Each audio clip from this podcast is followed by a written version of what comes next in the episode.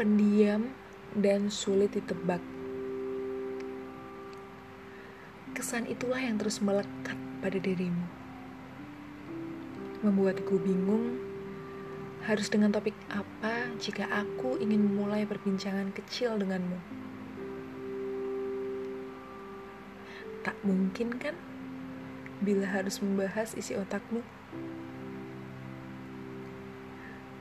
Rasanya isi otakmu begitu mahal dan mewah jika harus dibahas denganku.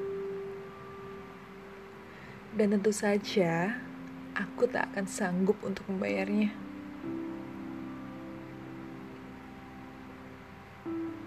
Sudah tahu demikian, aku tetap memiliki keinginan untuk bisa duduk berdua denganmu, melakukan perbincangan kecil, ditemani oleh teh hangat, atau bahkan kopi panas.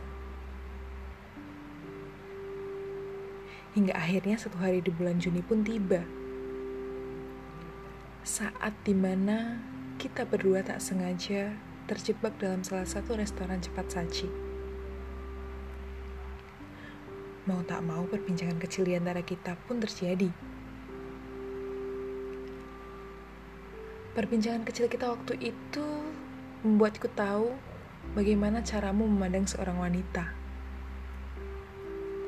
Dan semakin kita larut dalam perbincangan, aku semakin tahu jika aku sangat jauh dari pandanganmu.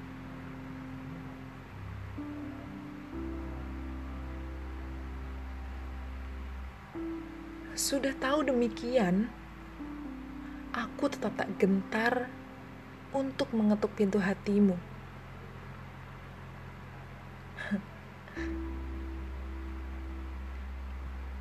Aku yang pantang menyerah atau aku yang terlalu bodoh?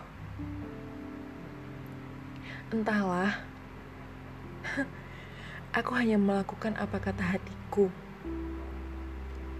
Dan kata hatiku terus menyuruhku untuk tetap memperhatikanmu walau engkau terus tak acuh padaku.